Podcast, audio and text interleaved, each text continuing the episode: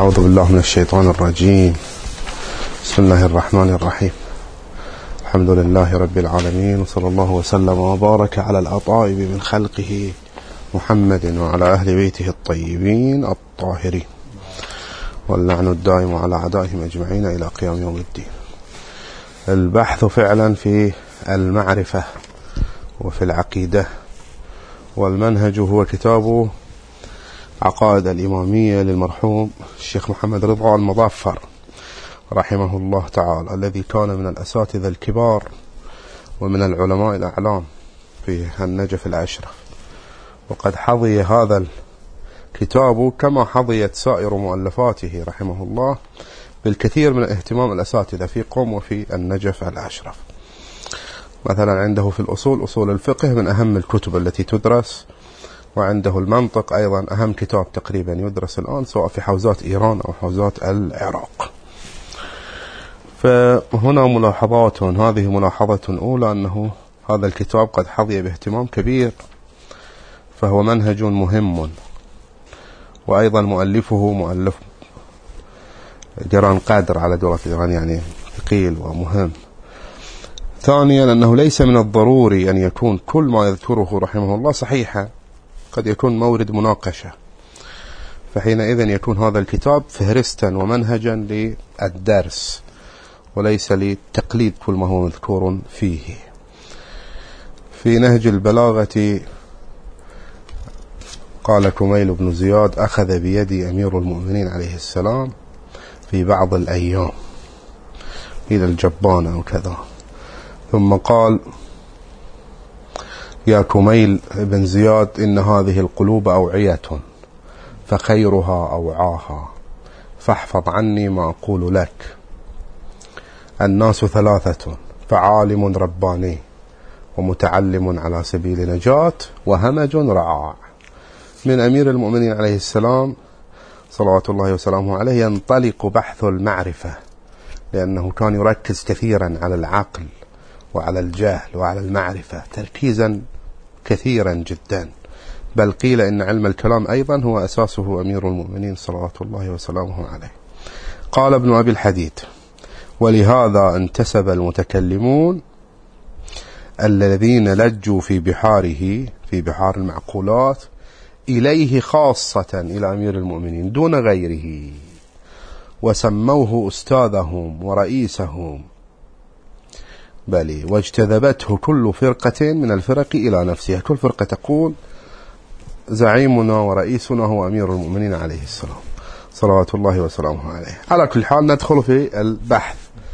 أول بحث ذكره هو بحث المعرفة. عقيدتنا في النظر والمعرفة.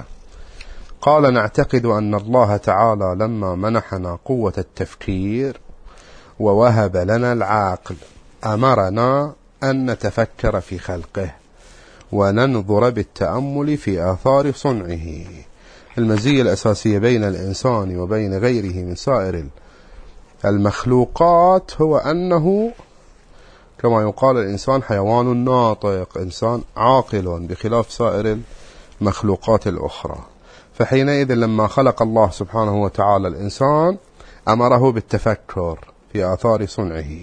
والتدبر في حكمته وإتقان تدبيره في آياته في الآفاق وفي أنفسنا. قال تعالى سنريهم آياتنا في الآفاق وفي أنفسهم حتى يتبين لهم أنه الحق. فإذا هذه الآثار كلها دليل على الله سبحانه وتعالى. جعلت لتكون دليلا عليه سبحانه وتعالى. وفي كل شيء له آية تدل على أنه واحد. وقد ذم المقلدين لآبائهم اللي سماهم أمير المؤمنين عليه السلام للصنف الثالث. أمير المؤمنين ما يجامل أبدا يقول عالم رباني متعلم همج رعاع أتباع كل ناعق. يميلون مع كل ريح لم يستنيروا بنور العلم أو لم يستضيئوا بنور العلم ولم يلجأوا إلى ركن وثيق. هذول ذمهم القرآن الكريم ذمهم الله سبحانه وتعالى اللي هم المقلدة. قالوا بل نتبع ما ألفينا عليه أباءنا أولو كان آباؤهم لا يعلمون شيئا. هم تتبعون آباءكم وهم لا يعلمون وهم لا يفهمون.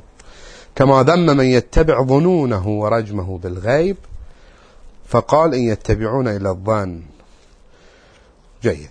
ثم يقول وفي الحقيقة أن الذي نعتقده نعتقده أن عقولنا هي التي فرضت علينا النظر في الخلق ومعرفة خالق الكون. كما فرضت علينا النظر في دعوى من يدعي النبوة وفي معجزته. في الواقع هو المرحوم الشيخ المظفر يريد ينتقل من الدليل الشرعي على وجوب النظر والمعرفة إلى الدليل العقلي. في البداية يقول أن الله سبحانه وتعالى هو الذي أمرنا بأن ننظر في الآفاق وفي أنفسنا. جيد؟ وأن الله سبحانه وتعالى هو الذي ذم المقلدين لآبائهم يعني حث الناس على النظر. ثم بعد ذلك يقول في الحقيقة أن الذي نراه ونعتقده هو أن عقولنا يعني العقل الدليل العقلي هو الذي يوجب النظر والمعرفة وليس الدليل الشرعي. في الواقع الدليل على وجوب المعرفة هو العقل وليس الشرع. فإذا حاصل ما أفاده رحمه الله أمران من هالمقدمة الطويلة التي قرأناها قبل قليل. أولا أن الظن لا قيمة له. في علم الأصول يقولون الشك في حجية شيء يساوق القاطع بعدمها الشك في أن الظن حجة أو ليس بحجة. معنى كونه حجة يعني معذر ومنجز. يعني يكون حجة يحتج به الإنسان أمام الله سبحانه وتعالى. يعتذر به أمام الله سبحانه وتعالى. الله أذن لكم على الله تفترون. عندك حجة وعندك دليل. ففي علم الأصول يقولون الشك في حجية شيء يسابق القطع بعدمها. الظن لا قيمة له أصلا. ليس الظن حجية. حاصل ما يريد أن يقوله. هذه النقطة الأولى. وإنما الحجة للعلم. العلم للقاطع. المراد بالعلم بالقاطع هو الانكشاف التام اللي إحنا نسميه مئة في المئة. يعني لا يوجد في مورده احتمال للمخالفة للواقع. أنا أحتمل بنسبة كاملة أن يكون ما أراه مطابقا للواقع. هذا هو القطع واليقين. ما عندي ذرة من الشك. أما الظن فما دونه فهو ظن. ما دام هناك احتمال أن ما تراه يخالف الواقع فهذا يسمى بالظن. الظن لا قيمة له. ولأجل هذا وقع الظن موردا للمذمة شرعا. ليش؟ لأنك تحتمل في مورد الظن أنت تحتمل بنسبة 70% أنه مثلا مثلا على سبيل المثال أن اليهودية دين صحيح. مثلا 70% 30% تحتمل أنها دين غير صحيح. فإذا أنت ما عندك إلا ظن الظن لا يغني من الحق شيئا. ففي هذه الحالة يقع موردا للمذمة لأنك ما لجأت إلى ركن وثيق كما يقول أمير المؤمنين عليه السلام. لم يستضيئوا بنور العلم ولم يلجأوا إلى ركن وثيق. إنما لجأ إلى الظن إلى الظنون التي يحتمل العاقل في موردها الخلاف أنها مخالفة للواقع. فحينئذ هذه الآيات التي تقول بل يتبع أكثر ما يت... ولا وإن يتبعون إلا الظن مثلا أن الظن لا يغني من الحق شيئا تكون إرشاد إلى حكم العاقل.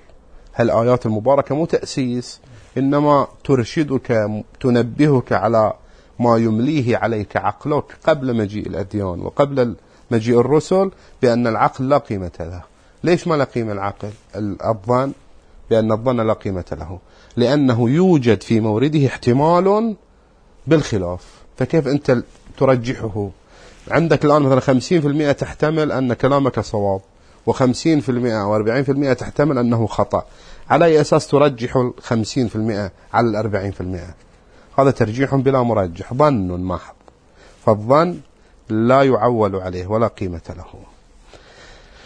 ثم يقول رحمه الله أن النقطة الثانية اللي ننبه عليها أنه الدليل على وجوب المعرفة هو العقل يعني على وجوب معرفة الله سبحانه وتعالى من حيث كونه خالقا منعما ومولا يعني يشرع يأمر وينهى الدليل على ذلك هو العقل.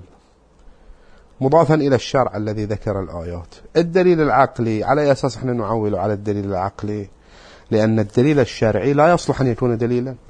إحنا المفترض أننا نريد أن نثبت أنه معرفة الخالق واجبة. فإذا قبل أن يكون يعني لا تفترض سابقا أنه خالق أو تفترض سابقا أنه مولا ثم تقول يجب معرفته. بل قبل ذلك العقل هو الذي يثبت وجوب النظر, النظر والمعرفة في كونه خالقا وكونه مولا فإذا هذه سابقة على كونه مولا على كونه منعما. قبل أن يكون منعما أن يكون خالقا. يعني أن يثبت عندي كونه خالقا أن يثبت عندي كونه مولا يوجب العقل مثل النبوة. إذا ادعى شخص النبوة ما يصلح أن تقول أنه يجب أن نتبعه. ليش يجب؟ قال لأنه هو قال اتبعوني. هذا الشخص الذي ادعى النبوة. ما ينفع هذا. تعتمد على نفس المدعي. هذا لا ينفع.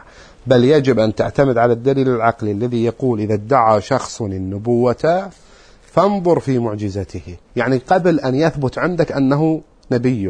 ما أدري واضحة. هنا قاعدة عقلية عامة. تسمى قاعدة دفع الضرر المحتمل. معنى الضرر هنا العقاب. دفع الضرر المحتمل بمعنى العقاب. كل عاقل إذا احتمل وقلنا إحنا الاحتمال القاطع أو اليقين فيه مئة عنصر احتمال. إن صح التعبير. لما نقول مئة في المئة. واحد في المئة احتمال اثنين في المئة احتمال وهكذا. كل واحد هذا جزء من الاحتمال. مع تراكمها يتشكل عندنا القطع أو اليقين. فإذا احتمل الإنسان إذا في مورد الظن بنسبة 90% مثلا عند احتمال بنسبة 10% أنه مخالف للواقع. إذا احتمل الإنسان خلاف الواقع فإنه حينئذ يحتمل العقاب والضرر يوم القيامة. إذا لم ينظر الإنسان في معجزة المدعي إذا لم ينظر الإنسان ولم يعتقد بالله سبحانه وتعالى ولم يحصل اعتقاداته فإنه يحتمل العقاب يوم القيامة.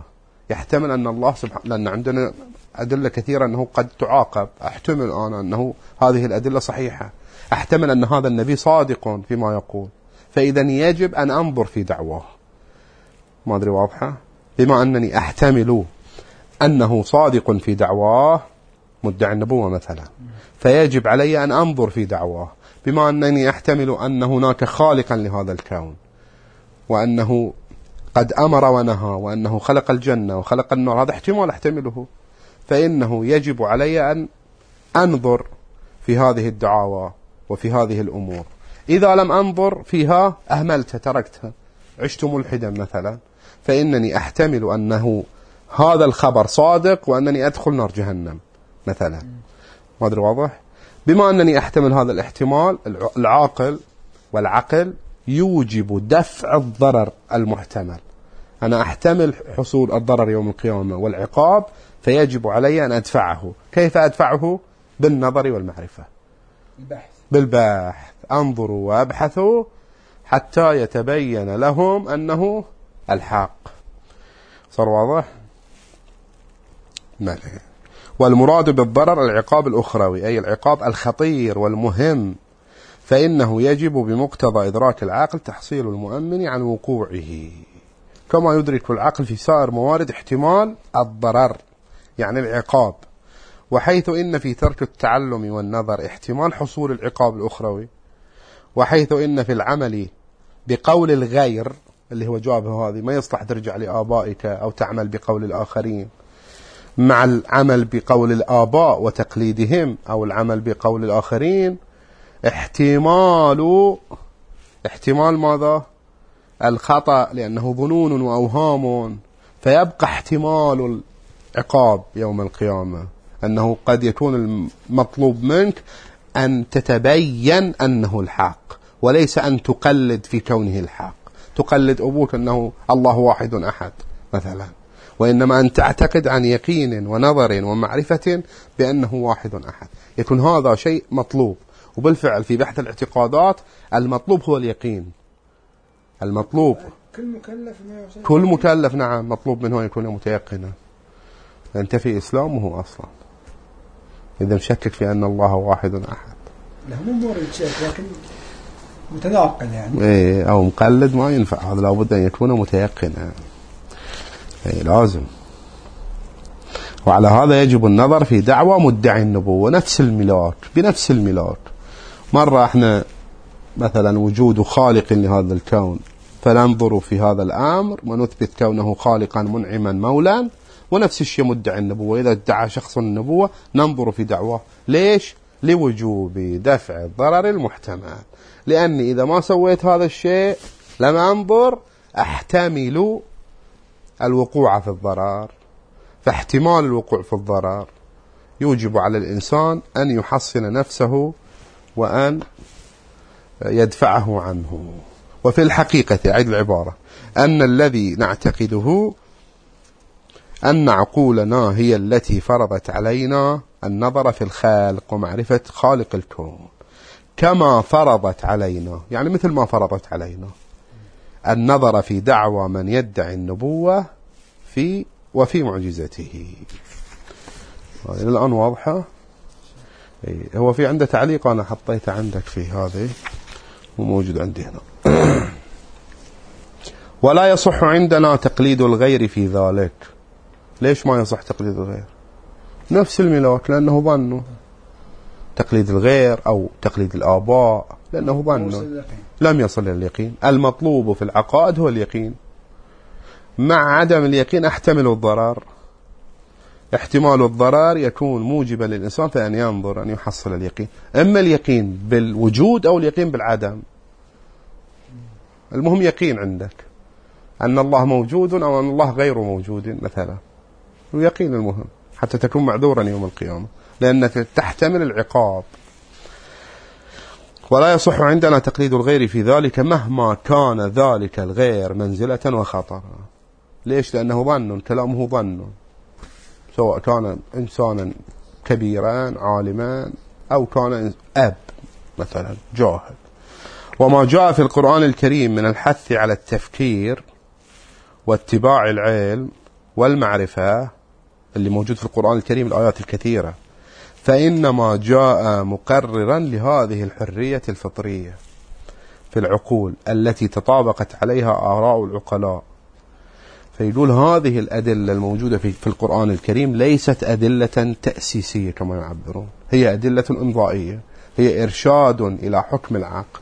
ترشد الإنسان وتنبهه إلى حكم عقله بوجوب النظر والمعرفة. لأن الدليل على وجوب النظر والمعرفة هو الدليل العقلي بملاك وجوب دفع الضرر المحتمل. أو فطري بملاك وجوب شكر المنعم كما يقولون. أن الله متفضل منعم فيجب شكره ومن شكره معرفته.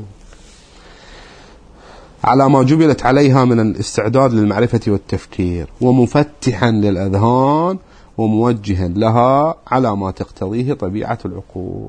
فإذا الموجود في القرآن الكريم ليس سوى أدلة إن صح التعبير إرشاد إلى حكم العقل وليست تأسيسية فلا يصح والحال هذه. إحنا عرفنا إحنا. القضية أنه مع وجود احتمال أنا أحتمل الضرر. أحتمل العقاب يعني. أحتمل نار جهنم. فمع هذا الوضع هل يصح أن يهمل الإنسان نفسه؟ لا طبعا. واضح عقلا لا يصح أن يهمل الإنسان نفسه. بل يجب بحكم العقل أن يعني ينقذ الإنسان نفسه ويدفع عن نفسه الضرر. في الأمور الاعتقادية أو يتكل على تقليد المربين أو أي أشخاص آخرين قالوا له؟ ها اللي يقول أمير المؤمنين عليه السلام همج رعاع آه، ينعقون مع كل ناعق ويميلون مع كل ريح. شوف التركيز في العبارة لم يستضيئوا بنور العلم مو المحرك لهم هو العلم وإنما التقليد. ولم يلجأوا إلى ركن وثيق. أبدا. مع الخيل يا شقراء كما يقولون. بل يجب عليه بحسب الفطرة العقلية المؤيدة بالنصوص القرآنية أن يفحص ويتأمل وينظر ويتدبر في أصول اعتقاداته المسمات بأصول الدين. هذه حصل اليقين بها ولو بأدلة بسيطة تورث اليقين.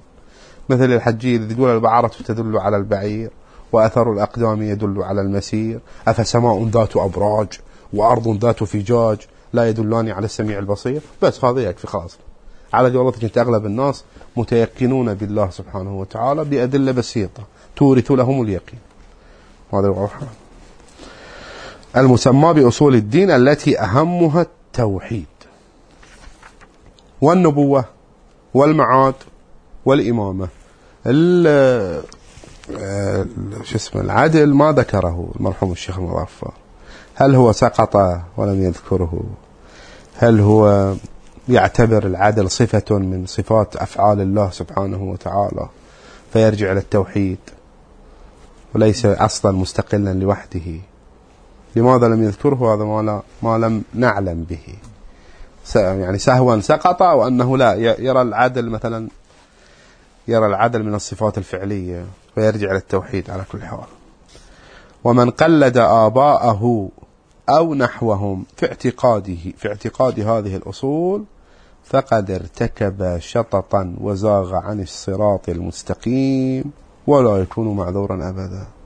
لأن الظن ليس حجة والحجة ما يكون منجز ومعذر فالظن ليس معذرا لا يكون عذرا يوم القيامة. إيش دليلك يا أخ العرب فيما فعلت؟ قال والله أبويا أولو كان آباؤهم كما يقول الله سبحانه وتعالى. أولو كان آباؤهم لا يعلمون شيئا. فإذا التركيز على العلم ولا يكون معذورا أبدا. وبالاختصار عندنا هنا ادعاء رجع للملحظتين ها مختصر لكل الدرس. الأول وجوب النظر والمعرفة في أصول العقائد ولا يجوز تقليد الغير فيها. خلصنا؟ وجوب النظر والمعرفة. يجب عليك أن تنظر وتتعلم. والثاني أن هذا وجوب عقلي قبل أن يكون وجوبا شرعيا. أي لا يستقي علمه من النصوص الدينية. مو مصدر هذا الوجوب هو النصوص الدينية. حتى لو ماكو عندنا ولا نص من النصوص الدينية لكان يجب على العاقل أن يدفع الضرر المحتمل بمعنى العقاب وينظر. وإن كان يصح أن يكون مؤيدا بها بعد دلالة العقل يعني تكون يكون عندنا دليل عقلي ودليل شرعي أيضا. وليس معنى الوجوب العقلي إلا إدراك العقل لضرورة المعرفة ولزوم التفكير والاجتهاد في أصول الاعتقادات. هو يقول أصول الاعتقادات يريد ينبه على أنه عندنا قسمين إحنا. أصول العقائد الخطوط العريضة العامة أن الله واحد أحد عدل وأن رسول الله صلى الله عليه وسلم نبي وأن أمير المؤمنين والأئمة أئمة معصومون. هذه الأصول العامة والأساسات العامة. ثم بعد ذلك يريد ينبه على أن هناك قضايا معرفية أخرى لا يجب فيها النظر والمعرفة والاعتقاد وعقد القلب واليقين. لا ربما يصح فيها أحيانا التقليد ويصح أن تعمل به مثلا هو يضرب أمثلة أظن في الهامش إذا ذكر الرجعة وذكر مثلا قضاء والقدر. قضاء والقدر مثلا وغيرها. تقول والله أنا جاز لي. في وجهة نظر يعني. إي. اجتهاد. إي إي إي, إي. انت أما ان تجتهد فيها أو أصلا ما تعتقد فيها. يعني لا تعقد القلب عليه ساكت. عدم الاعتقاد فيها غير. غير إنكارها طبعا. مرة تنكرها هذا بحث ثاني بس ما تعتقد هكذا. لا مع ولا ضد. لا تعتقد فيها. طبعا بعيدا عن المثالين اللي هو ذكرهم رحمه الله هناك قضايا معرفية من هذا القبيل. يعني لا يجب النظر فيها أو عقد القلب عليها. أعطيك مثال تفاصيل المعاد. عدد الملائكة مثلا. ما يجب الاعتقاد بها. لكن هل يجوز إنكارها على فرض وجود دليل؟ لا ما يجوز. الإنكار شيء ووجوب الاعتقاد شيء آخر. لا يجب الاعتقاد بها. أو مثلا الصراط شكل الصراط مثلا. ما يجب الاعتقاد بهذه الأمور بحيث يكون مؤثرا على إيمان الإنسان ويكون محاسبا على التقصير فيها. هذه قضايا معرفية لا يجب الاعتقاد بها بمعنى لا يجب عقد القلب عليها. لا تكون مقوما لإيمان الإنسان وإسلامه ما تكون مقوم أساسي لإيمانه. فهذا قسمين عندنا في الاعتقادات. هذا بحث مستقل لوحده أساسا.